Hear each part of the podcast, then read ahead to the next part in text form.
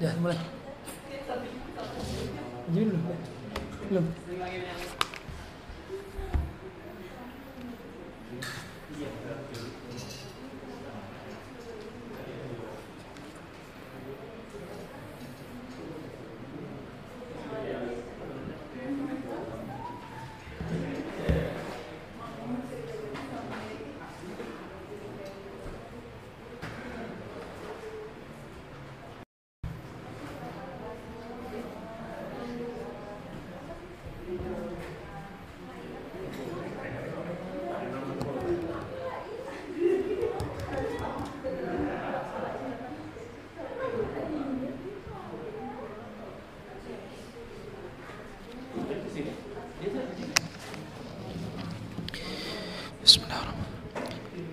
السلام عليكم ورحمة الله وبركاته.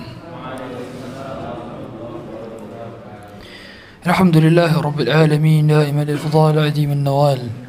الصلاة والسلام على نبينا محمد مولى بلال البدر متلال وعلى آله وصحبه خير صحب وآل أشهد أن لا إله إلا الله وحده لا شريك له وأشهد أن محمدا عبده ورسوله وصفيه من خلقه وخليله. أدى الأمانة وبلغ الرسالة ونصح للأمة. وكشف الله به الغمة وجاهد في الله حق جهاده حتى أتاه اليقين. وتركنا على محجة بيضاء. ليلها كنهارها لا يزيغ عنا إلا هالك. اللهم فصل وسلم وزد وبارك وعنئم وكرم ومجد. على عبدك ورسولك محمد صلى الله عليه وعلى آله وصحبه وسلم. فقال عز من قائل يا أيها الذين آمنوا اتقوا الله حق تقاته ولا تموتن إلا وأنتم مسلمون. فقال عز وجل يا أيها الذين آمنوا اتقوا الله وقولوا قولا سديدا يصلح لكم أعمالكم ويغفر لكم ذنوبكم ومن يطع الله ورسوله فقد فاز فوزا عظيما. Teman-teman yang dirahmati Allah Subhanahu wa taala. Pada kesempatan kali ini kita masuk ke dalam bab di dalam kitab tauhid yang mana berjudul syirik dalam penyembelihan. Syirik dalam penyembelihan. Kalau di kitab itu itu barangkali adalah bab ke-8 atau 9 atau ke-10. Menyembelih binatang untuk selain Allah. Babu majaa fi dzabhi li ghairillah. Bab menyembelih binatang untuk selain Allah. Dan ini adalah bab yang berkenaan dengan haramnya kita menyembelih dengan niat untuk sesajen, untuk uh, penjaga laut, untuk menolak bala dalam hal ditunjukkan kepada selain Allah itu adalah termasuk kesyirikan. Dikarenakan ibadah yang paling dua, ibadah yang paling agung dua. Yang pertama adalah ibadah dari segi fisik yaitu ibadah salat dan ibadah dari segi harta maka ibadah kurban. Sebagaimana dalam surat Al-Kautsar, "Fasalli li rabbika wanhar." Fasalli. Bayangkan coba Allah mengatakan, "Inna atainakal kautsar." Fasalli li rabbika wanhar inna syani'aka huwal abtar. Kalau kita perhatikan Allah Subhanahu wa taala memberikan telaga Kautsar inna atainaka kepada Rasulullah sallallahu alaihi wasallam al-Kautsar dan kita diperintahkan untuk bersyukur dengan cara beribadah dan ternyata ada dua ibadah yang Allah sebutkan dalam satu ayat saja. Fasalli salatlah li wanhar kemudian berkurbanlah. Kenapa? Padahal ibadah banyak. Ada ibadah haji, ada ibadah umrah, ada ibadah zakat, ada ibadah sedekah, ada ibadah berupa puasa. Tapi mengapa hanya dua ibadah ini saja yang disebutkan dalam surat Al-Kautsar sebagai bentuk rasa syukur kita kepada Allah Subhanahu wa taala? Ternyata ibadah badan paling afdol adalah salat dan ibadah harta paling afdol adalah kurban. Dua ibadah ini yang paling afdol. Oleh karenanya mengapa salat ini menjadi cahaya bagi orang beriman? Dalam hadis riwayat Muslim, Rasulullah mengatakan as-salatu nurun, salat adalah cahaya. Sehingga nanti kita di hari kiamat tatkala orang-orang melewati sirat sirat itu ahaddu minas saif dia lebih tipis daripada rambut dan lebih tajam daripada pedang. Ya. Ada minasyar wa ahaddu minas saif. Nantinya orang yang dapat melewati sirat adalah orang-orang yang memiliki kecepatan dalam melewatinya. Kalau dia nggak cepat, maka mustahil bisa melewati. Gimana? Orang lebih tipis daripada rambut dan lebih tajam daripada pedang. Harus cepat jalannya. Makanya mengapa ada orang yang melewati sirat dalam keadaan berlari kencang. Ada yang melewati sirat dalam keadaan seperti cahaya kecepatannya. Ada yang melewati sirat seperti angin yang berhembus. Ada yang melewati sirat seperti merangkak.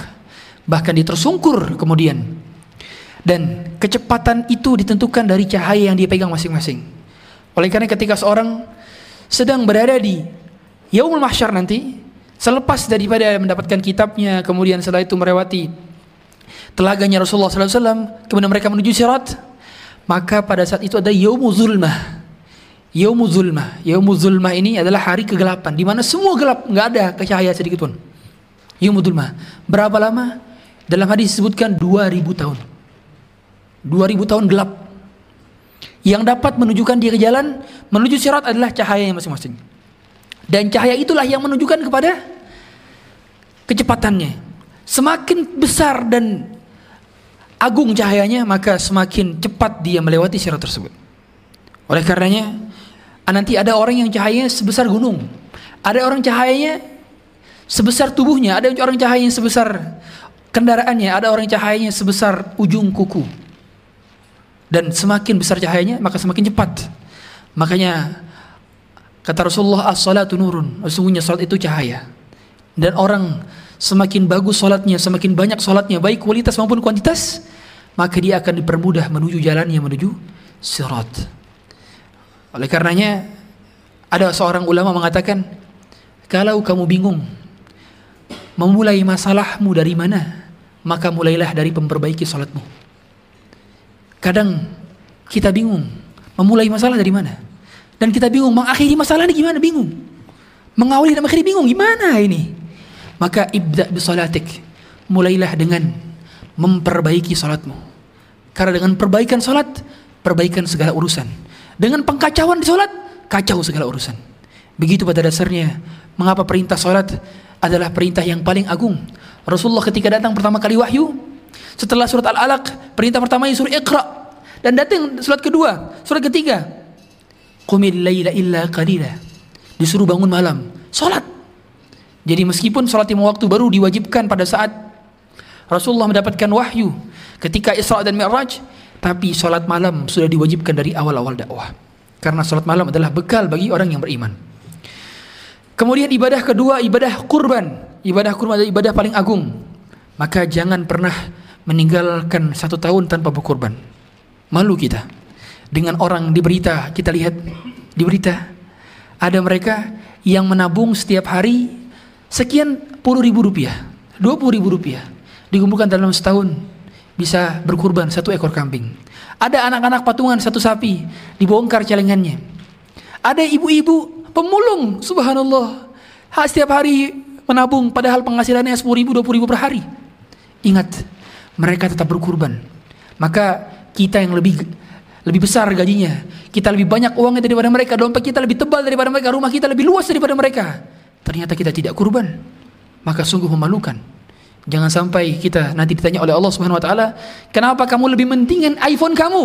Beli iPhone baru tiap tahun ganti. Tas baru ganti tiap tahun. Sepatu ganti tiap bulan. Tapi ternyata kurban setahun sekali tidak diberikan juga untuk Allah Subhanahu wa taala.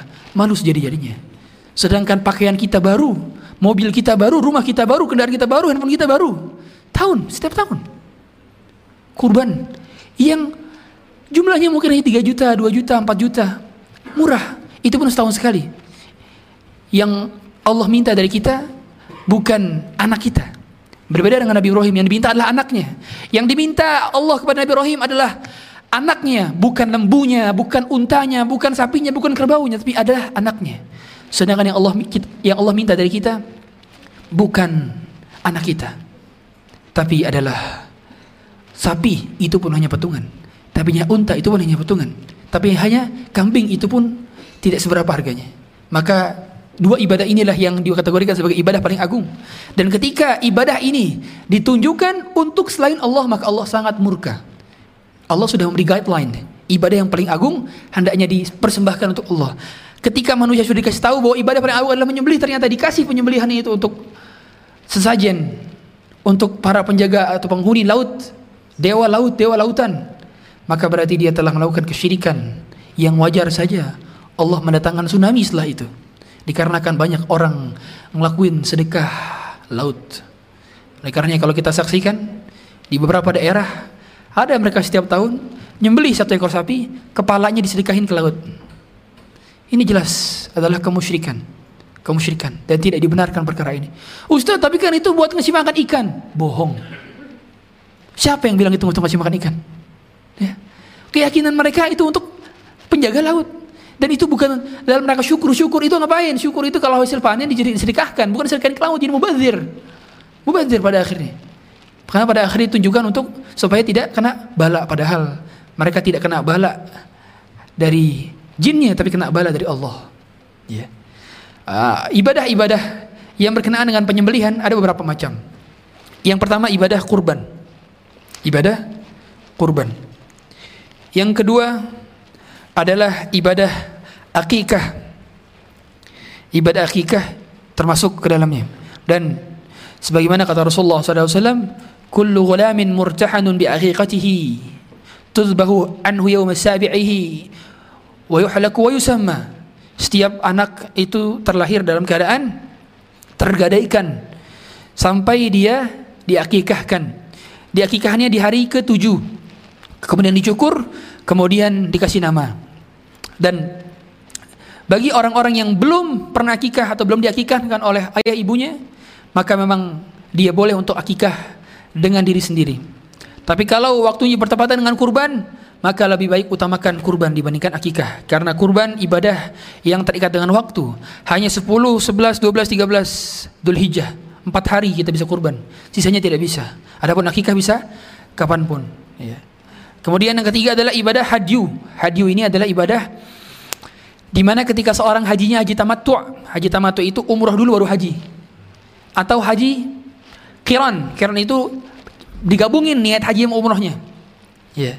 Yang utama adalah haji ifrat, di mana dia haji dulu, kemudian keluar baru umroh lagi. Keluar maksudnya keluar keluar batas batas miqat baru dia umroh lagi. Nah, itu baru tidak kena dam. Dam ini yang menyebabkan kita bayar hadyu. Biasanya kalau di Indonesia itu dia jadi tentuin nama travelnya, bayar 3 juta atau 4 juta untuk hadyu karena rata-rata masyarakat Indonesia kalau haji mereka umroh dulu baru haji gitu ya. Karena mereka datang ke Jeddah atau kalau kalau di Madinah dulu baru itu bisa haji ifrat. Tapi rata-rata uh, landingnya di Jeddah uh, atau ketika di Madinah pun mereka umroh dulu. Baru ketika sudah beres umrohnya mereka mikotnya dari dari hotel masing-masing keluar keluar dari mikot baru masuk lagi. Biasanya mikotnya di Yalam bukan di Yalam di di sekitar-sekitar situ ya. Di sekitar-sekitar situ di terdekat. Di mikot terdekat. Di Hudaybiyah biasanya Hudaybiyah nah kemudian ibadah berikutnya adalah ibadah ketika muhsor jadi memberikan sembelihan untuk Allah Subhanahu wa taala ketika dia kena muhsor contoh seperti kemarin Covid-19 itu ada eh, banyak ya pada Covid-19 itu Februari, Februari 2019 ya. Ya, eh, eh bener gak? 2020 ya? 2020 ya. Itu pada saat pada saat uh, ini ya, pada saat awal mula ditutup umroh haji. Nah, ada salah satu ustadz tuh. Saya itu punya ustadz, dia umroh lagi umroh tahun 2020. Itu udah sampai udah, sampai di udah sampai perjalanan. Perjalanan. Tiba-tiba berhenti di cut. Suruh pulang karena ditutup. Ditutup Masjid Haram ditutup. Nah, itu mereka suruh bayar apa? Mereka suruh bayar hadyu. Nah, kalau mereka enggak nyebut Allahumma mahilli haitsu habastani. Itu ada doanya. Jadi kalau antum sudah miqat ya, miqat antum bilang apa? Labbaik Allahumma umratan atau labbaik Allahumma hajjan.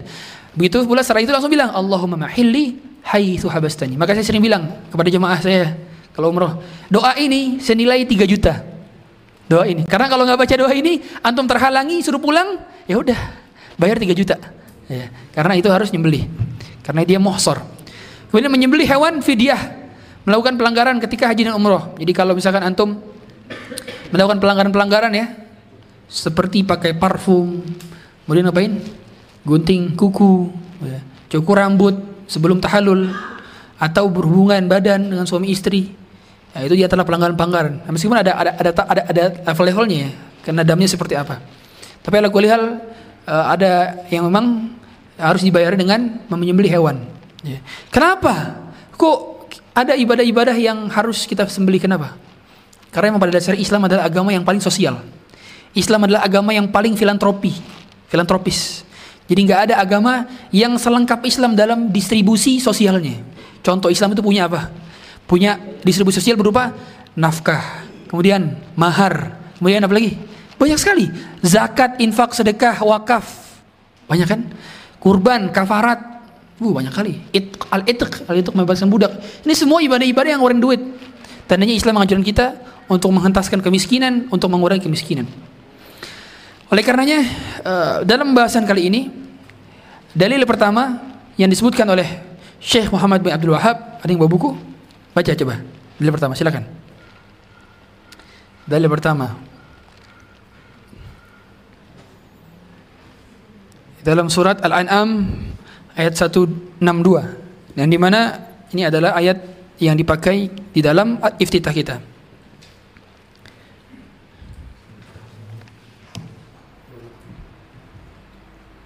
Inna nusuki wa mahyaya wa mamati lillahi rabbil alamin La Mirtu wa Ya, di sini Allah menyuruh kita agar kita mengucap inna salati, sungguhnya salatku, wa nusuki dan sesembelihanku. Oleh karenanya kenapa? Padahal banyak ibadah, tapi hanya disebutkan hanya dua, salat dan nusuk. Karena dua ibadah inilah yang paling puncak dan paling tinggi pahalanya. Salat ibadah salat itu nggak ada yang menandingi pahala salat. Ya. Makanya kenapa orang sedosa-dosanya dia bisa lakuin dosa, jangan ninggalin salat.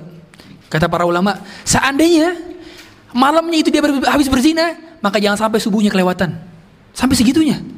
Karena dia meninggalkan sholat lebih besar dosanya daripada, daripada berbuat zina. Orang yang meninggalkan sholat satu sholat subuh, dia lebih besar dosanya daripada berizin. Dan kebanyakan orang salah, salah kebanyakan orang. Disangka kalau dia bangun kesiangan dia nggak sholat subuh, salah. Yuk dosa besar kalau nggak sholat subuh, kalau kesiangan. Tetap sholat meskipun kesiangan. Tetap sholat meskipun kesiangan. Bangun subuh misalkan telat jam 7, langsung sholat ketika. Dikodok namanya itu sholatnya. Ya. Jadi bukan ditinggalin sholatnya, ini salah. Dosa besar kalau tinggal sholat. Dosanya lebih besar daripada berzina, lebih besar daripada mencuri, lebih besar daripada berbuat durhaka kepada orang tua. Dosa besar sekali dosa meninggalkan sholat. Satu sholat saja. Satu sholat saja. Ya. Karenanya kata para ulama, empat mazhab bilang kalau orang meninggalkan sholat pada saat masa-masa jahiliyah, pada saat dia belum apa namanya belum bertaubat, maka dia wajib kodok sholatnya. Ya, dikodok, dicicil kodok sholatnya. Ah, di sini sudah jelas bahwa nusuk itu maksudnya adalah zabaih atau zabhi. Nah, di sini dikatakan lillahi rabbil alamin, hanya untuk Allah saja. Sehingga kalau seorang dia menyembelih dia menyebut misalkan untuk Uzair atau untuk Isa bin Maryam, untuk selain Allah disebut, bahkan untuk Rasulullah SAW saja. Selain Allah disebutkan dalam penyembelihannya dia tidak menyebut nama Allah tapi menyebut selain Allah, maka sesembelihannya menjadi bangkai dan tidak boleh dimakan. Itu, ya. Oleh karenanya penting bagi orang yang menyembelih jadi tukang jagal hendaknya dia mengucapkan gimana? Bismillah Allahu Akbar. Allah Akbar. Ini penting bagi laki-laki untuk bisa nyembelih sendiri.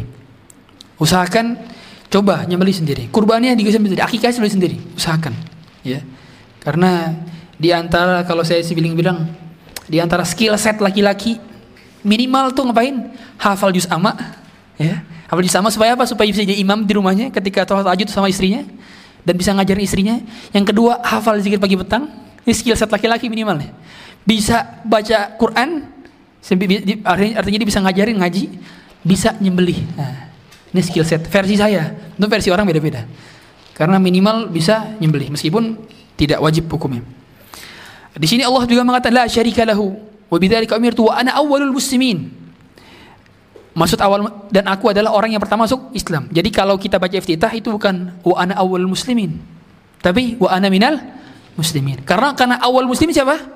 Rasulullah. Awal awal awal itu maksudnya apa? Orang yang pertama dan aku adalah orang pertama yang beriman. Aku yang pertama yang masuk Islam. Nah, jadi kita bukan menyebut ana awal muslimin tapi wa ana minal muslimin dan aku bagian daripada orang Islam. Gitu. Cara doanya gitu ya. Uh, sebagaimana kata Syekh bin Bas. Kemudian dalil kedua, Tuhan sebutkan. Aja lagi dalil kedua. Fadal. Dalil kedua.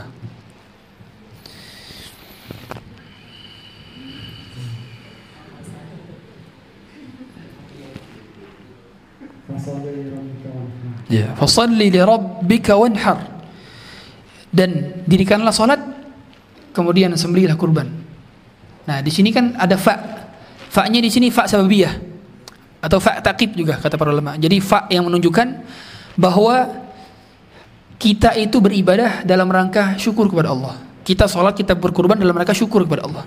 Sehingga pada akhirnya ibadah kita, salat kita, puasa kita, sedekah kita, zakat kita, kurban kita itu bukan dalam rangka membayar kenikmatan Allah, tapi dalam rangka bersyukur kepada Allah.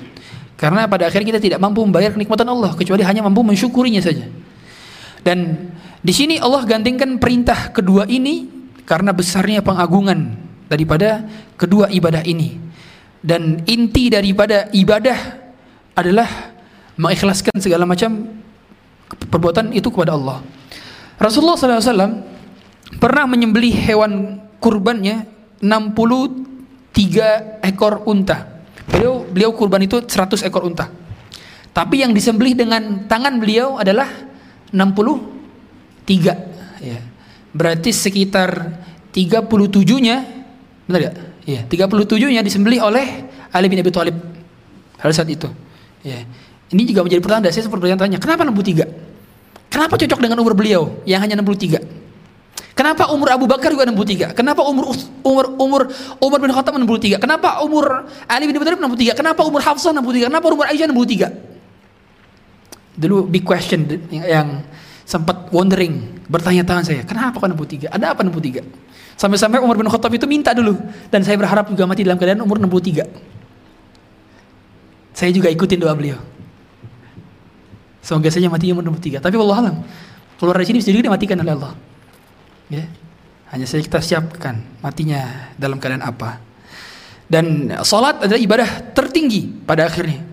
Dikarenakan salat adalah tiangnya agama.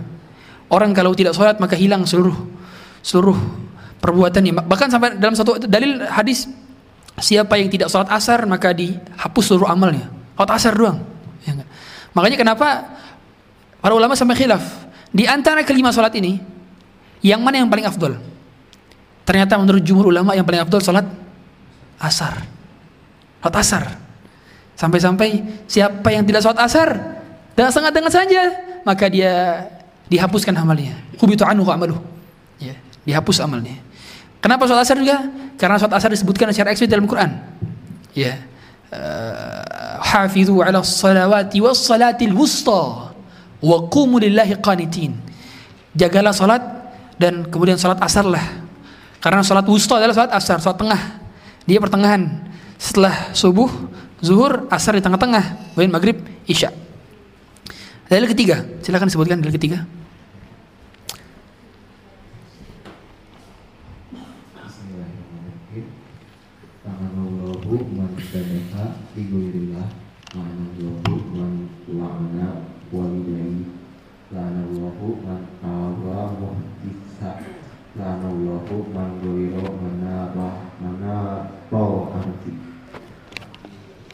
Ini hadis riwayat Muslim. Allah melaknat orang yang Allah melaknat orang yang menyembelih selain nama Allah, Allah melaknat orang yang melaknat orang kedua orang tuanya, Allah melaknat juga orang-orang yang melindungi orang yang berbuat jahat dan Allah melaknat orang-orang yang merubah batas tanah. Di sini dipahami ada tiga perincian di sini. Ada tiga perincian. Ya. Jadi makan sesembelihan.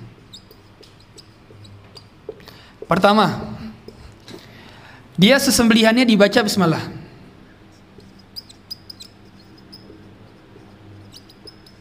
Bismillahnya pada saat proses penyembelihan. Bismillah, penyebut nama Allah. Ada orang yang tidak baca bismillah.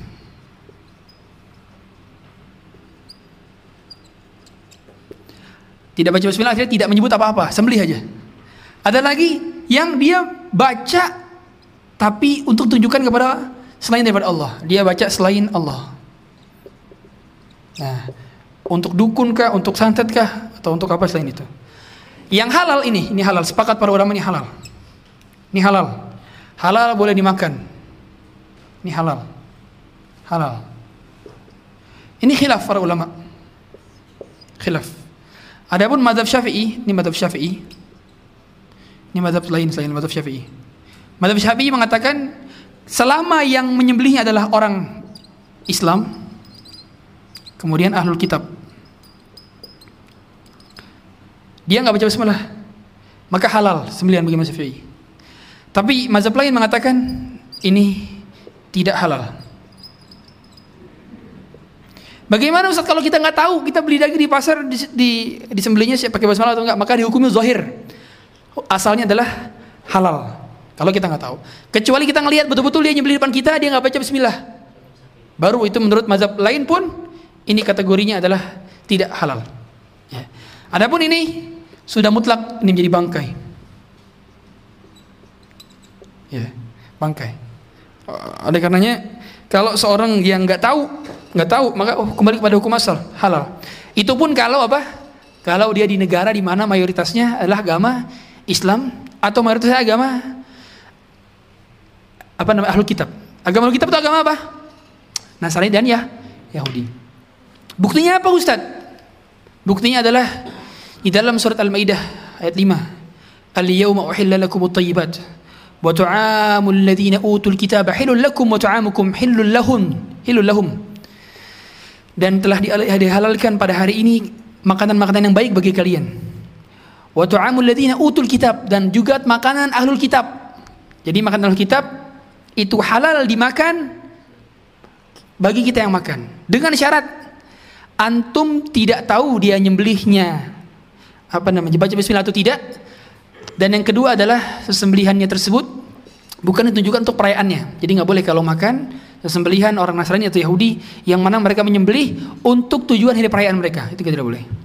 Tapi kalau untuk sekedar makan saja maka boleh. Ustadz bukankah orang ahli kitab itu sudah tidak mengamalkan lagi isi Alkitab ya betul di zaman Nabi pun begitu di zaman Nabi pun mereka tidak mengamalkan kitab jadi di zaman Nabi ahli kitab itu sudah kafir sudah kafir ahli kitab itu karena mereka tidak beriman kepada Rasulullah SAW meskipun mereka monoteis. Mereka adalah agama yang monoteis, agama yang beribadah kepada satu Tuhan saja, yaitu Yahudi.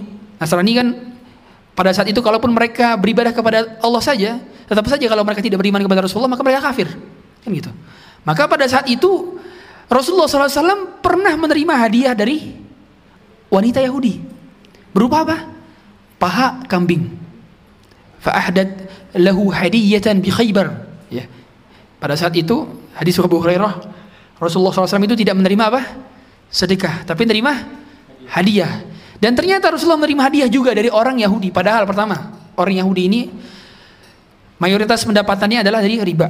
Yang kedua, orang Yahudi itu bukan muslim. Mereka kafir. Ternyata diterima. Ternyata dalilnya adalah wa ta'amul ladina utul kitaba hillul lakum wa ta'amukum lahum. Dan makanan ahlul kitab itu halal untuk dimakan orang muslim dan makanan muslim halal dimakan untuk ahlul kitab. Meskipun ahlul kitabnya sekarang tidak mengamalkan isi ahlul kitab. Meskipun tetap itu halal. Oleh karenanya kalau kita ke sebuah negara selama mayoritas negara tersebut KTP-nya adalah Nasrani atau Yahudi, maka halal makan makanan yang disembelih oleh mereka selama makanannya halal. Ya. Contoh mereka nyembelih ayam, halal buat kita makan ayam. Mereka nyembelih sapi, halal sapi. Tapi kalau nyembelih B2 ya udah udah jelas haram. Paham ya maksudnya? Sembelihan itu maksudnya seperti itu. Makanya Ustadz, tapi bu, di negara Amerika Ustadz, itu kebanyakan orang agnostik sekarang. KTP-nya doang Kristen, KTP-nya doang Yahudi. Tapi ternyata mereka itu adalah seorang agnostik atau seorang ateis. Tetap dihukumi zahirnya. Zahirnya adalah KTP. Itu yang menjadi patokan. Ini adalah fatwa dari kebanyakan ulama tempo kontemporer di zaman sekarang. Gitu ya. Ah, kalau dia menyebut-nyebut selain nama Allah, udah jelas itu adalah bagian daripada kesyirikan. Ya. Dan ini juga uh, adalah pendapat jumhur ulama zaman sekarang. Memang, memang lebih afdolnya adalah berhati-hati. Lebih afdolnya hanya berhati-hati. Gimana kalau kita ke negara-negara kafir ternyata ada keperluan? Ingat ya, ke negara kafir itu hanya boleh apabila ada keperluan. Kalau sekedar jalan-jalan tidak boleh. sekedar jalan-jalan. Contoh antum ke mana? Ke Jepang, ke Amerika, ke Inggris. Cuman jalan-jalan doang. Nggak ada keperluan untuk pengobatan, nggak ada keperluan untuk studi, studi yang ilmunya nggak ada di negara lain, nggak ada di negara Islam, atau nggak ada keperluan untuk dakwah. Tiga keperluan ini, ini yang menjadi dibolehkan. Baru kita Ketika ini kita ada salah satunya, maka baru boleh. Sebagaimana kata Syekh Utsaimin dalam Syarh Riyadhus Shalihin. Ya, makanya kemarin ada travel itu yang hubungi saya. Dia pengen jadi saya pembinanya. Dia itu pengen uh, apa converse jadi travel umroh haji. Gara-gara dia travel uh, yang tugasnya apa yang yang dia marketnya adalah untuk jalan-jalan ke luar negeri doang. Itu nggak boleh. Ya nggak boleh. Makanya kalau travel umroh itu aneh saya bilang. Kalau ada umroh plus Prancis gimana ceritanya? Umroh plus Amerika itu gimana ceritanya? Umroh plus Turki masih mending nggak apa-apa. Turki negara Muslim. Umroh plus Dubai, umroh plus uh, apa Akso itu boleh silakan itu bagus nggak apa-apa. Tapi kalau umroh plus Eropa, apalagi Eropanya Eropa, tapi sekarang lebih aneh lagi. Umroh plus nonton Ronaldo, ada itu. Subhanallah, ada. Saya bilang, ini orang mau ibadah ngeliat Ronaldo. Ya. Apalagi sekarang udah ada lesan, enggak ngeliat Ronaldo, lihat Sadio Mane kata dia. Sama aja. Ya. Maka kemudian uh, ibadah ini pada akhirnya penyembelihan ini ada dua bentuknya. Ada penyembelihan yang dimakan dagingnya saja. Ya. Ada ada penyem, dua penyembelihan. Ini azabhu, namanya azabhu. Azabhu. Uh, penyembelihan. Penyembelihan ini dibagi dua untuk dimakan dagingnya makan. Untuk dis, apa namanya uh, diserahkan kepada Allah maksudnya adalah sebagai bentuk pengagungan. Ya yeah. seperti kurban nazar kalau antum kurban nazar contoh kurban nazar itu gimana? Saya kalau lulus CPNS saya akan kurban satu ekor kambing. Itu kalau kurban nazar maka kurbannya tidak boleh antum makan. Nggak boleh dimakan. Harus diapain Disedekahkan semuanya. Ustaz kalau kasih ke anak istri kita boleh. Tapi antum sendiri yang nazar nggak boleh. Itu kalau kurban nazar. Ya. Nah, kurban nazar ini bentuknya untuk Allah seluruhnya. Tapi kalau untuk kurban makan, ya apa, apa uh, untuk penyembelihan makan, maka ini patokan ini, makan sembelihan. Ya. Lagi-lagi kalau kalau hanya diserahkan kepada Allah, menjadi patokannya dua. Dia niatnya untuk siapa? Kalau niatnya untuk Allah, maka sudah jelas ya, dia boleh. Kalau yang untuk selain Allah, selain Allah, maka sudah jelas ini adalah bahkan sebagian ulama bilang kafir. Ya, biasanya kebanyakan nyembelih untuk jin. Ya, biasanya disuruh oleh dukun. Kamu mau sukses ya? Coba kamu sembelih ayam. Ayam ayam ayam yang biasa kau kuruyuk tiap pagi, coba disembelih. Ya. Kenapa yang disembelih ayam? Kenapa? Kenapa dia nggak minta kambing? Kenapa? Biasanya dukun suruh nyembelih ayam. Kenapa? Betul. Supaya orang gak sholat subuh. Itu. Makanya jin itu kan dukun itu sekutunya sama syaitan. Makanya dia nyuruhnya supaya nyembelih ayam. Karena ketika ayam tersebut udah mati, nggak berkokok lagi, orang gak ada yang sholat subuh. Itu kenapa dukun-dukun mintanya begitu. Dan rata-rata nih kalau kita pahami ya, dukun-dukun itu itu mintanya yang nggak make sense. Ujung-ujungnya duit UUD. Contoh, silahkan cari sesembelihan berupa tolong carikan saya kepada saya. Kalau kamu mau selesai kasus ini, tolong carikan kepada saya tikus yatim laki-laki. Serius. Itu, dia nyari gitu. Nyarinya gitu. Coba, tugasnya kenapa yang dia ngasih klasifikasi gitu? Supaya nggak bisa kita cari. Coba kalau kita nyari tikus yatim, berarti kita harus tahu apanya. Kalau kita harus tahu dia laki, berarti kita harus lihat jenis kelaminnya. Kan gitu. Oh, ah, ujung-ujungnya nggak bisa kan kamu? Sini duit. Gitu. Itu ujung-ujungnya duit.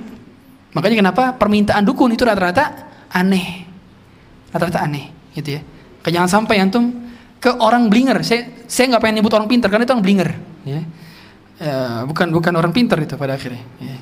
Dan sekarang dukun nggak ada yang penampilan ke dukun. Dukun sekarang pakai peci. Nih pakai jubah.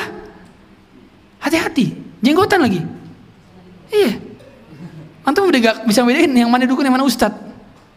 Kecuali dengan amaliyahnya. Ketahuan amaliyahnya seperti apa. Iya. Eh, apa itu yang kemarin dukun apa itu? Gus apa namanya? nah, itu Gus Samsudin. Iya. Itu itu dukun-dukunan itu meskipun gitu itu dukun-dukunan. Karena dia beli alat-alatnya di Shopee itu. Iya. Uh, lanjut lagi. Nah, di sini kita nggak boleh menyebut nama kecuali Allah saja. Nama apa pun tidak boleh. Hatta nama Rasulullah SAW nggak boleh. Untuk Allah dan Rasulnya nggak boleh. Makanya bagaimana sumpah? Sumpah itu nggak boleh menyebut demi Allah demi Rasulullah itu nggak boleh. Salah nih kalau orang menyebut demi Allah demi Rasulullah. Harus demi Allah saja. Ya, nggak boleh demi Rasulullah. Karena tidak boleh uh, bersumpah kecuali dengan menyebut nama Allah saja. Sama seperti dalam penyembelihan harus menyebut nama Allah saja. Ya. Meskipun pada akhirnya Allah tidak Allah tidak mendapatkan darahnya. La yanallahu luhumuha wala dima'uha taqwa minkum. Allah tidak menerima darahnya, Allah tidak menerima dagingnya, tapi yang diterima adalah ketakwaannya.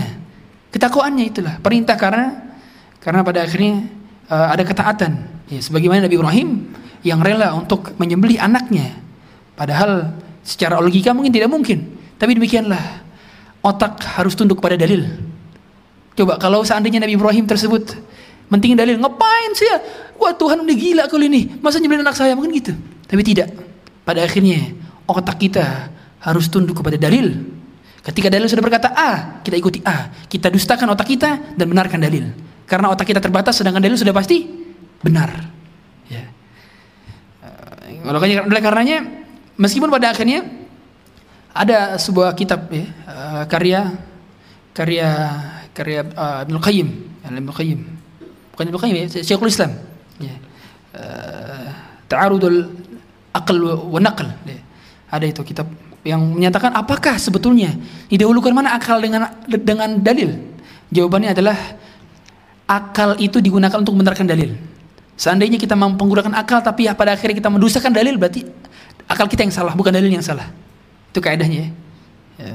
Kemudian di sini dijelaskan bahwa pada dasarnya seseorang yang menyembelih kepada selain Allah berarti dia kategorinya adalah syirik akbar, keluar daripada Islam. Ya, keluar daripada agama Islam. Lanjut dari keempat. Dalil keempat dalil atau ini artinya aja artinya aja lebih gampang.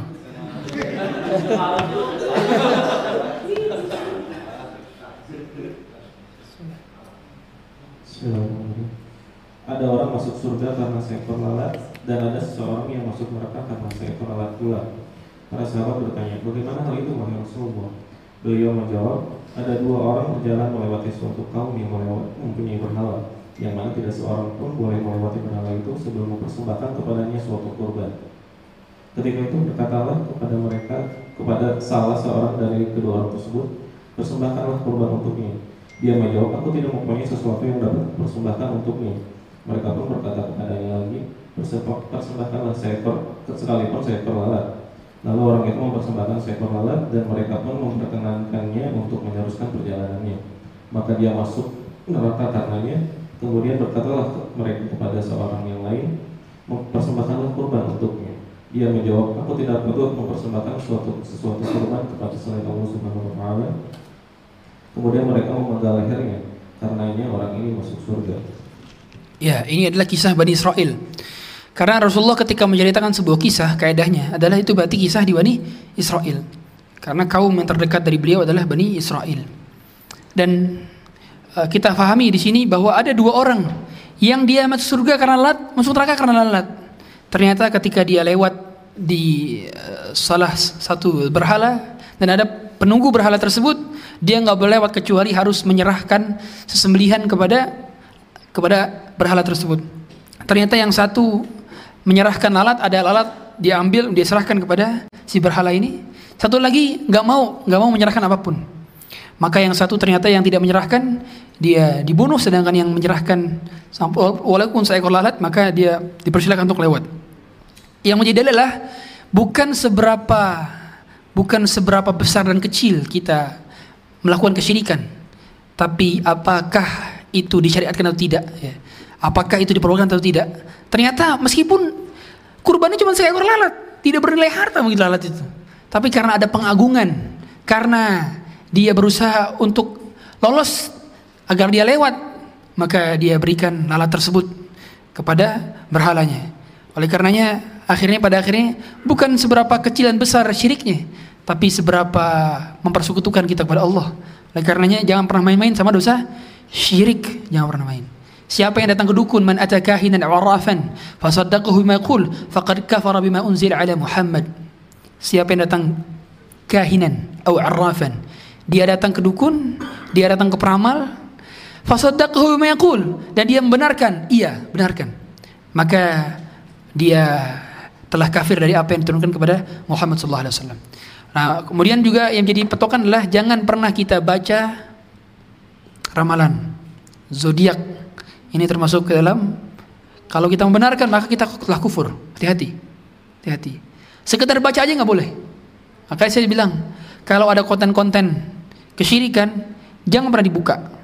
Kalaupun dibuka, dislike, report. Jangan antum like, apa subscribe, subscribe. Ya. Jangan, karena itu berarti mendukung perbuatan tersebut. Ya. Dan, dan benarkan juga pada akhirnya perbuatan tersebut tidak boleh. Uh, Ustadz, bukankah itu berarti dia di, dipaksa? Karena kan dia disuruh mempersembahkan. Kerip, kan disuruh dia. Walau zubaban. Dipaksa dia. Jawabannya, dia pada saat sedang dipaksa, dia memilih untuk untuk melakukan kesyirikan. Kalau seandainya dipaksa, seorang dipaksa baru dia tidak berdosa. Jadi kalau orang melakukan perbuatan kemaksiatan dipaksa, maka tidak masalah. Ya, sebagaimana dahulu sahabat Amr bin Yasir. Amr bin Yasir ini uh, bapaknya siapa namanya? Yasir. Ibunya namanya Sumayyah. Sumayyah ini adalah wanita pertama yang syahid, awwalu syahidatin fil Islam. Wanita pertama yang syahid adalah Sumayyah. Dan orang yang pertama kali syahid adalah ayahnya, Yasir. Mereka datang dari Yaman. Punya anak namanya Amr bin Yasir. Sumayyah itu mati diapain? Ditusuk kemaluannya dengan dengan tombak kemaluannya sampai tembus. Sumayyah. Ayahnya mati dibunuh juga. Suatu ketika Amr bin Yasir dipaksa untuk mengucap kalimat-kalimat kekufuran. Kemudian pada saat itu karena dia sudah lelahnya akhirnya dia mengucapkan kalimat kekufuran, dia nggak sadar. Datang kepada Nabi SAW, ya Rasulullah, saya telah kafir ya Rasulullah. Dia menangis. Maka turunlah sebuah ayat. Turunlah sebuah ayat. Man kafara billahi min ba'di imanihi illa man ukriha wa qalbuhu mutmainnu bil iman. Siapa yang telah uh, kafir kepada Allah setelah imannya, maka dia mendapatkan siksa yang luar biasa. Illa man ukriha wa qalbuhu mutmainnu bil iman. Kecuali yang mengucapkannya dalam keadaan terpaksa. Ya, oleh karenanya kalau seorang melakukan kalimat kekufuran diancam mati dia, dibunuh kecuali mengucapkan kalimat kekufuran itu, maka berarti dia mendapatkan mendapatkan uzur, ya, uzur. Meskipun demikian ada ulama yang tegas yang tidak mau mengucapkan kalimat kekufuran di zaman beliau. Siapa ya? Imam Ahmad. Ketika fitnah terjadi bahwa pada saat itu khalifahnya menyuruh masyarakat dan seluruh ulama untuk mengucap bahwa Quran itu makhluk. Maka hampir seluruh ulama mengucapkan Quran itu makhluk kecuali Imam Ahmad. Tapi mereka mengucapkan dalam keadaan terpaksa karena kalau enggak mereka karena kalau mereka mengucapkan uh, Quran bukan makhluk mereka diancam. Tapi Imam Ahmad beda. Imam Ahmad tetap dengan pendiriannya yaitu tidak Alhamdulillah. Ya. Maka pada saat itu Maka pada saat itu Imam Ahmad mengucapkan Quran bukan makhluk, Al-Quran laisa bimakhluqin. Uh, ketika, ketika ditanya Muhammad, wahai Imam, kenapa engkau tidak mengatakan saja agar kau selamat? Imam Ahmad itu dipukulin, dipukulin, dipenjara, dipukulin, hampir meninggal. Sampai beliau menjawab, apabila saya berkata demikian dan kamu berkata demikian, lalu bagaimana orang jahil dapat mengetahui yang benar di antara yang salah? Kata dia. Itu. Fa idza sakatta anta wa sakattu ana wa kaifa ya'rifu al-jahilul haqqu min al-batil? Gimana orang yang bodoh mengetahui yang benar mana yang salah mana? Maka harus ada yang tetap berkata demikian. Ya. Maka tidak tahu apakah itu fitnah itu akan terjadi lagi. Tapi secara umum fitnah ini yang menjadikan Imam Ahmad berhasil dikategorikan sebagai imam ahlus sunnati wal jamaah. Imam ahlus sunnah wal jamaah itu Imam Ahmad. Dikarenakan Islam tetap tegak tauhidnya dengan wasilah satu orang, Imam Ahmad. Sebagaimana Abu Bakar dikategorikan sebagai imam ahlus sunnah wal jamaah. Kenapa? Dikarenakan pada saat orang-orang banyak murtad di zaman beliau, beliau lah tetap mendakwahkan tauhid dan pada akhirnya dakwah yang paling utama adalah dakwah tauhid. Kemudian uh, di sini yang menjadi pedoman bahwa amalan yang paling utama adalah amalan amalan hati, amalan hati. Seorang bisa mendapatkan dosa dari amalan hatinya dan orang bisa mendapatkan pahala dari amalan hatinya. Oleh karenanya dosa besar itu justru datang dari hati rata-rata dan pahala besar datang dari hati. Pahala besar. Sebagaimana dahulu ada tabi'in mengatakan ma sabaqakum Abu Bakrin bi kathratis salati wal siyam. Abu Bakar itu tidak mendahului kalian dengan banyaknya salatnya, banyaknya puasanya, banyaknya hajinya. Walakin bi syai'in waqa'a fi sadri. Tapi ada sesuatu yang bercokol dalam dadanya, yaitu keimanan, keikhlasan, kesabaran, ketawakalan. Itulah yang menjadikan seorang berpahala besar di sisi Allah Subhanahu wa taala. Ya, dan pada dasarnya kalau dia uh, dipaksa untuk berbuat ke, ke, uh, kafir, mengucapkan kalimat kufuran, maka dia tidak berdosa. Sebagaimana Amr bin Yasir. Ya, Allah alam.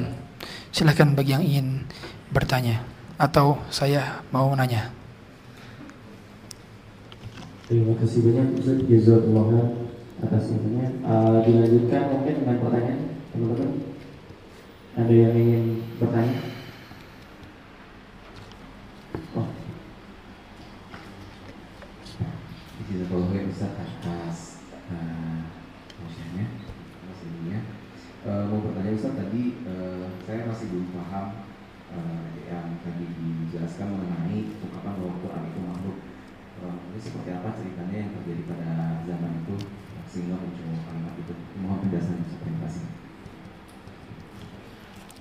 Iya. Jadi perkataan bahwa Quran makhluk ini mengkonsekuensikan berarti Quran itu ada salah. Sebagaimana makhluk. Makhluk itu kan ada salahnya. Ya. Dan mengkonsekuensikan bahwa Quran itu bisa diubah. Ini syubhat, syubhat yang datang dari Ibnu Abi Duad. Di zaman khalifah tersebut di mana penasehat presidennya kalau bahasa kita itu adalah Ibnu Abi Duad. Kalau bahasa kita Abu Jandanya lah. Penasehat presidennya Abu Janda kira-kira gitulah. Nah maka kena syubhat nih pemimpinnya di zaman tersebut. Sehingga dia punya keputusan bahwa semua orang harus berkata dan berikrar bahwa Quran itu makhluk. Ya. Karena syubhatnya dari mana asalnya? Bahwa mereka berkata bahwa Quran ini pada dasarnya adalah uh, mereka berusaha untuk men, entah tanzihkan, menghilangkan sifat Allah bisa berbicara. Sehingga pada akhirnya perkataan itu adalah perkataan Jibril, perkataan Muhammad gitu menurut mereka. Bukan perkataan Allah. Karena menurut mereka Allah itu kalau bisa berbicara berarti sama dong seperti kita. Inilah karena syubhat mereka inilah. Padahal ketika Allah mengatakan wa kallamallahu Musa taklima Allah pernah berbicara dengan Nabi Musa. Perkataan Allah, cara berbicara Allah tidak sama dengan manusia dan tidak sama dengan makhluk. Laisa kamitslihi syai'un wa basir. Allah katakan Allah punya tangan, Allah punya wajah. Tidak bisa kita katakan bahwa wajah Allah sama seperti makhluk dan karena tidak bisa tidak, sama. Tapi kita tetapkan amiruhu kama ja'at bila kaif. Kita tetapkan sebagaimana datangnya tanpa membagaimanakan, tanpa memisalkan, tanpa menta'til, men, tanpa mentakif, tanpa menolaknya, tanpa membagaimanakannya. Itu kaidah halus sunnah wal jamaah dalam memahami ayat dan ayat mengenai sifat-sifat Allah Subhanahu wa taala. Itu ya. Contoh ketika Allah mengatakan Allah istawa 'alal arsh, Allah Ar-Rahman 'alal arsh istawa. Allah bersemayam di atas arsh. Kita imani saja. Cara Allah bersemayam kita tidak tahu. Bagaimana kita tidak tahu. Maka kita imani sebagaimana ayat tersebut. Karena sahabat nggak pernah nanya juga Allah gimana cara bersemayamnya. Jangan sampai kita bertanya seperti orang-orang, oh kalau gitu Allah bertempat dong, kalau gitu Allah butuh tempat dong. Tidak. Allah tidak butuh tempat. Justru tempat yang butuhkan Allah. Dan pada akhirnya apa-apa yang berkonsekuensi kepada Allah tidak tidak berkonsekuensi kepada makhluk. Karena Allah yang menciptakan konsekuensi itu bahkan. Ya. Makanya Allah Subhanahu wa taala itu pada akhirnya tidak sama dengan makhluk. Allah sudah menyatakan demikian. Ya, Allah tidak butuh kepada satu apa pun, sekat apa pun butuh kepadanya. Nah, inilah karena syubhat inilah muncul perkataan, oh kalau gitu Quran bukan perkataan Allah karena dia adalah perkataan makhluk Jibril, tapi makna-maknanya dari Allah, tapi ayat-ayatnya dari Jibril kata dia gitu. Akhirnya dikatakan bahwa Quran adalah makhluk. Sampai-sampai ulama yang berusaha untuk makanya banyak ulama yang kabur. Seperti Imam Syafi'i, Imam Syafi'i ke Mesir. Kemudian ulama-ulama lain juga uh, melakukan tauriyah. Tauriyah itu apa? Tauriyah itu um, bohong tapi mirip kayak bohong tapi bukan bohong. Yeah. Contoh ketika ditanya, ketika ditanya ada seorang ulama ditanya, kamu yakin kan Quran itu makhluk? Iya. Injil itu makhluk. Kemudian dia bilang, Injil itu makhluk, Taurat itu makhluk, Zabur itu makhluk, Quran itu makhluk. Maksudnya apa? Jarinya yang makhluk. Makanya dia bilang gini. Paham ya? Itu tauriah namanya. Tauriah. Sebagaimana dahulu Abu Bakar juga pernah bertauriah. Ya. Ketika uh, ada seorang yang pada saat beliau menemani hijrah Rasulullah SAW ke Madinah, ada seorang yang datang. Siapa itu? Kata Abu Bakar apa? Al-Hadi ila Tariq. Ini sang penuntun jalan. Dipahami oleh orang tersebut adalah penuntun jalan. Jalan maksudnya jalan yang ngari jalan. Tapi maksud Abu Bakar apa? Penuntun jalan ila siratal mustaqim. Penuntun jalan kepada jalan yang mana? Itu namanya tauriyah. Nah, tauriyah itu boleh kalau dalam keadaan genting darurat, tidak boleh dalam keadaan uh, biasa normal nggak boleh. Karena itu termasuk kategori bohong pada akhirnya. Ya, tapi itu kalau dalam keadaan darurat boleh tauriyah seperti itu. Dan itu para ulama mengucapkan demikian. Mengucapkan demikian. Mereka bilang gini, uh, apa namanya? Injil, dia bilang gini, begini, Injil, Taurat, Zabur, Quran, ini makhluk, gitu. Paham ya maksudnya, tauriahnya? Maksudnya ininya tuh ininya, bukan bukan Injilnya, bukan Tauratnya, bukan Qurannya gitu ya. Ini makhluk tangannya gitu maksudnya. Itu tauriah namanya, dan itu kecerdasan ulama pada akhirnya. Ya, itulah uh, kisah singkat daripada kenapa uh, pada saat itu uh, fitnah terjadi. Ya, Allah alam. Ada lagi? Ada Ustaz. Betul. Nah, uh, pertanyaannya pertama mungkin korban yang paling afdol itu apa sih? Domba, kambing, sapi atau unta. Nah itu terus kalau misalkan anak ini kan anak misalkan dari Purwakarta, terus sekarang domisili di Bandung. Nah, yang paling bagus di mana? Di di korbannya di sini atau di sana? Nah terus kemudian uh, kan kita kalau disunahkan lah untuk bisa untuk uh, menyembelih menyembelih sendiri gitu. Nah, sayapan yang paling bagus itu seperti apa Ustaz? Karena dulu anak pernah uh, kurban sendiri itu sampai berat kan Ustaz. Maaf baru pertama kali jadi motongnya mungkin ya berkali-kali lah gitu sampai sampai akhirnya mungkin uh, uh, apa kerongkongannya gitu. Nah itu yang kedua, terus yang ketiga Ustaz, ini mungkin agak sedikit uh, berbeda topiknya dengan penyembelihan. Uh, cuman anak penasaran, nah, ini doa pada azan, doa pada azan sampai apa namanya sampai koma itu kan doanya mustajab biasa deh. Nah itu kalau misalnya uh, doanya di jalan sambil berjalan ke masjid itu uh, bagus atau bagusnya gimana gitu? Ada tuturan? Terima kasih banyak. Iya. Pertama, Tadi apa pertanyaan pertama? Saya lupa. Oh iya, yang paling abdul. Ini para ulama khilaf pada akhirnya. Para ulama bilang yang paling abdul itu, ini pendapat pertama, yang paling abdul yang paling banyak dagingnya. Pendapat kedua yang paling yang paling abdul adalah yang paling mahal. Dua.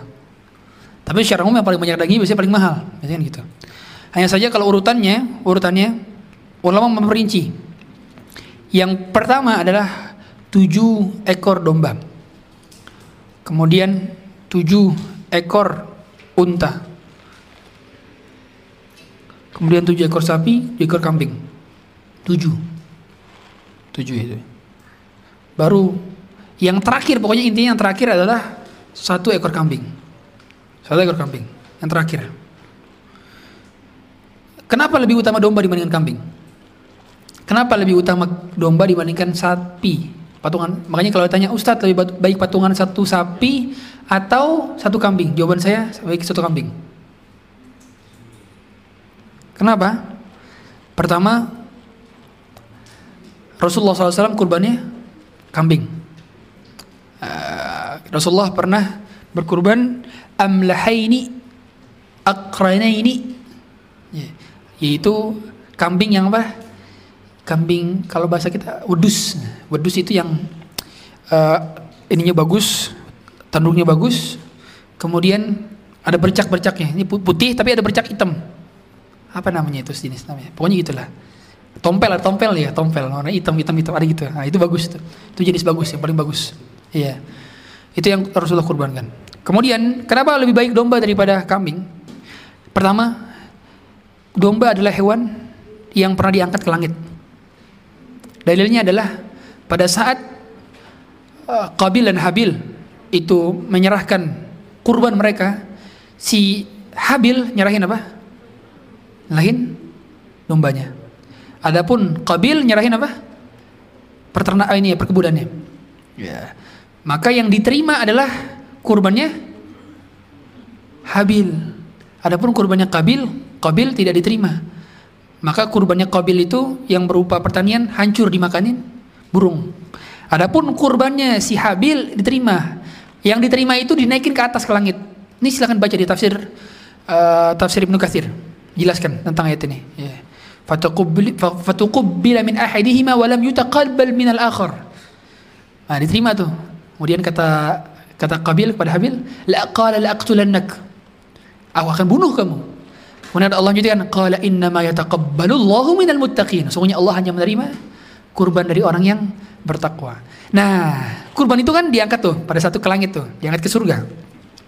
Pada saat penyembelihan eh, Ismail alaihissalam, ya, itu kan Ismail yang mau disembelih kan? Nah, diganti sembelihan yang malaikat jadi apa? Jadi domba dan dombanya itu datang dari surga. Itu satu. Yang kedua, domba ternyata cara makannya lebih bagus dibandingkan kambing.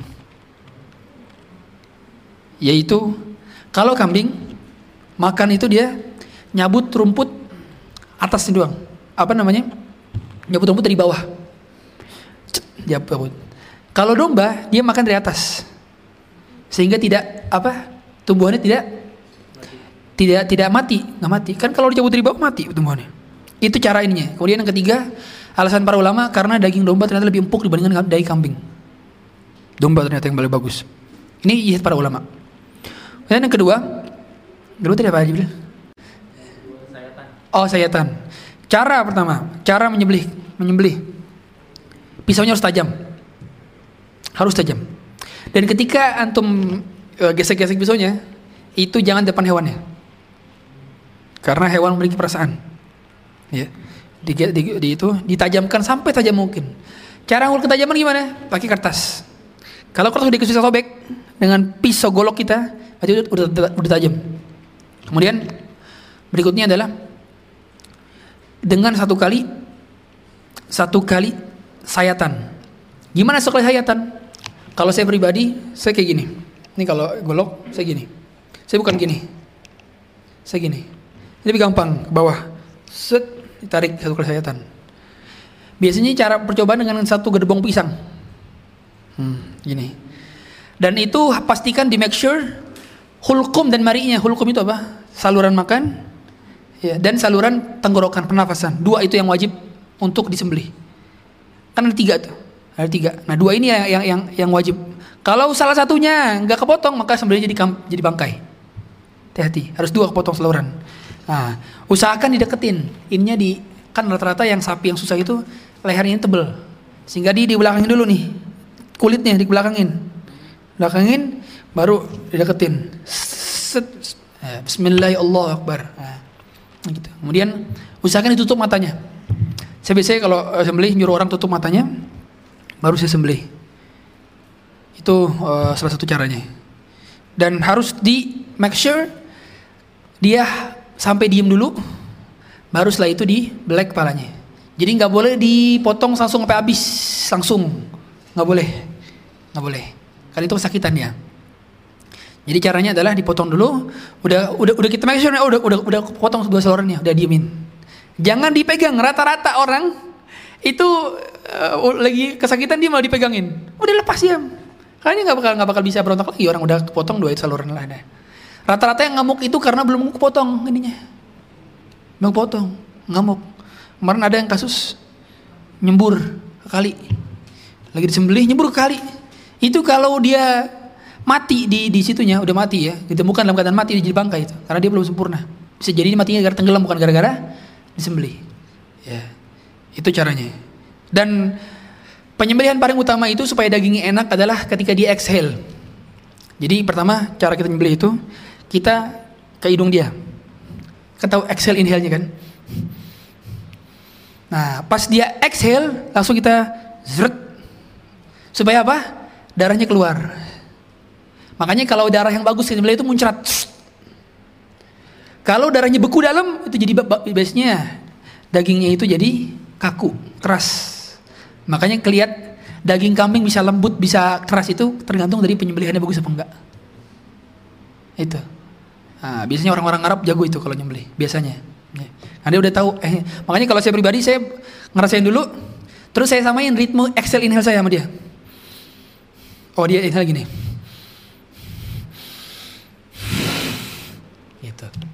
Itu caranya. Mungkin itu. Nah, mungkin kalau misalkan ini boleh ikut ada pelatihan Juleha namanya. Juru sembelih halal. iya, ada itu, ada bisa Google sendiri, ada Instagramnya itu. Itu dia beliau melatih berbagai macam eh, DKM DKM yang menyembelih nyembelih dan kita bisa ini nyembelih situ. Ya. ya, bagus itu. Tapi yang pasti adalah uh, golok tajam itu harga mati, itu harga mati. Nggak boleh sembarangan main golok. Rata-rata itu kenapa berkali-kali gitu karena goloknya nggak tajam. Nah golok tajam itu golok Jerman. Beli golok Jerman. Tapi golok yang grade grade B, grade C itu golok Sukabumi, golok Banten tuh mulai bagus. 300 ribuan harganya. Saya dulu belinya gitu. Belum beli mampu ada golok Jerman, golok Swiss itu bagus, tapi 2 jutaan. Tapi kalau beli bisa insya Allah. Iya, iya, gitu. Allah alam. Oh yang ketiga lupa saya. Yang ketiga iya, ya dalilnya adalah yarudul uh, apa namanya? Uh, tidak akan tertolak doa bainal adzan wal iqamah. Ya. La yuraddu du'a bainal adzan wal iqamah. Tidak tertolak doa antara azan dan iqamah. Doa apa pun, termasuk ketika sedang berjalan masjid. Ya, makanya kenapa asa afdal afdal ke masjid itu jalan kaki sebenarnya. Ya, karena setiap khutwah ya khutwah kita satu khutwah mendatangkan derajat dan satu khutwah lagi, satu langkahan kaki lagi itu menghilangkan dosa. Yeah. Dan sebaik-baik wudhu sebenarnya di rumah sebaik-baik wudhu sebenarnya. Gitu. Ya. Uh, terutama juga pada saat perjalanan ke masjid kan udah udah azan nih. Nah, itu kita tetap berdoa. Berdoanya bukan doa ini doang. Dan doa nggak kadang-kadang nggak harus ini tangan. Nggak harus. Meskipun sebaik-baik doa dengan mengangkat tangan, tapi terkadang doa juga bisa tanpa mengangkat tangan. Ya, kalau lo lagi jalan, kalau naik motor susah juga angkat tangan nabrak tar. ya, doa bisa eh, dalam hati gitu ya. ya. Dan doanya Rasulullah kalau jalan ke masjid apa? Allahumma ja'al fi qalbi nuran wa fi lisani nuran wa fi sam'i nuran itu doanya. Wa fi, wa fi badani nuran eh, wa, yamini nuran wa shimali nuran wa an nuran wa an yasari nuran dan seterusnya itu doanya. Allahumma ja'alni nuran. Ya Allah, jadikanlah aku sebagai cahaya. Pandanganku cahaya, mataku cahaya, kanan kiriku cahaya, depan belakangku cahaya. Itu doanya. Dan juga bismillahi tawakkaltu Allah la haula wala quwwata illa. Itu juga doa keluar rumah. Itu sunnah-sunnah. Masuk masjid pakai keluar kanan, masuk masjid pakai kaki kanan, keluar masjid pakai kaki kiri dan seterusnya. Itu ada pada Ya. Terakhir kuis. Kuis, kuis. Ya, untuk nanti jawaban yang benar ya, mohon tidak bertepuk tangan. Iya. Itu biasa. Iya. um, pertanyaan pertama. Pertanyaan pertama.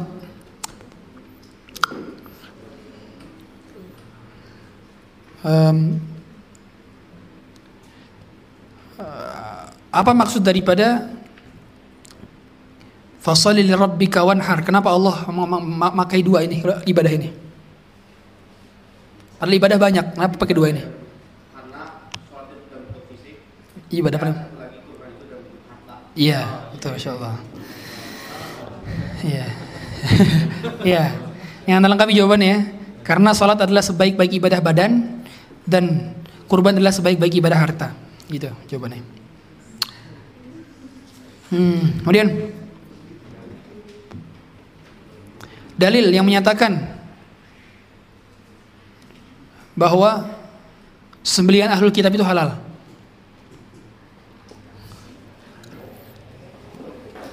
Sebutkan surat dan ayatnya. Betul. Insya Allah. Insya Allah. Dua lagi.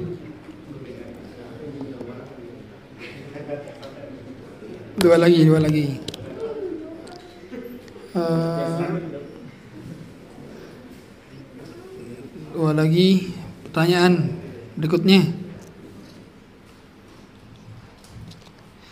Berapa Ali bin Abi Thalib penyembelih?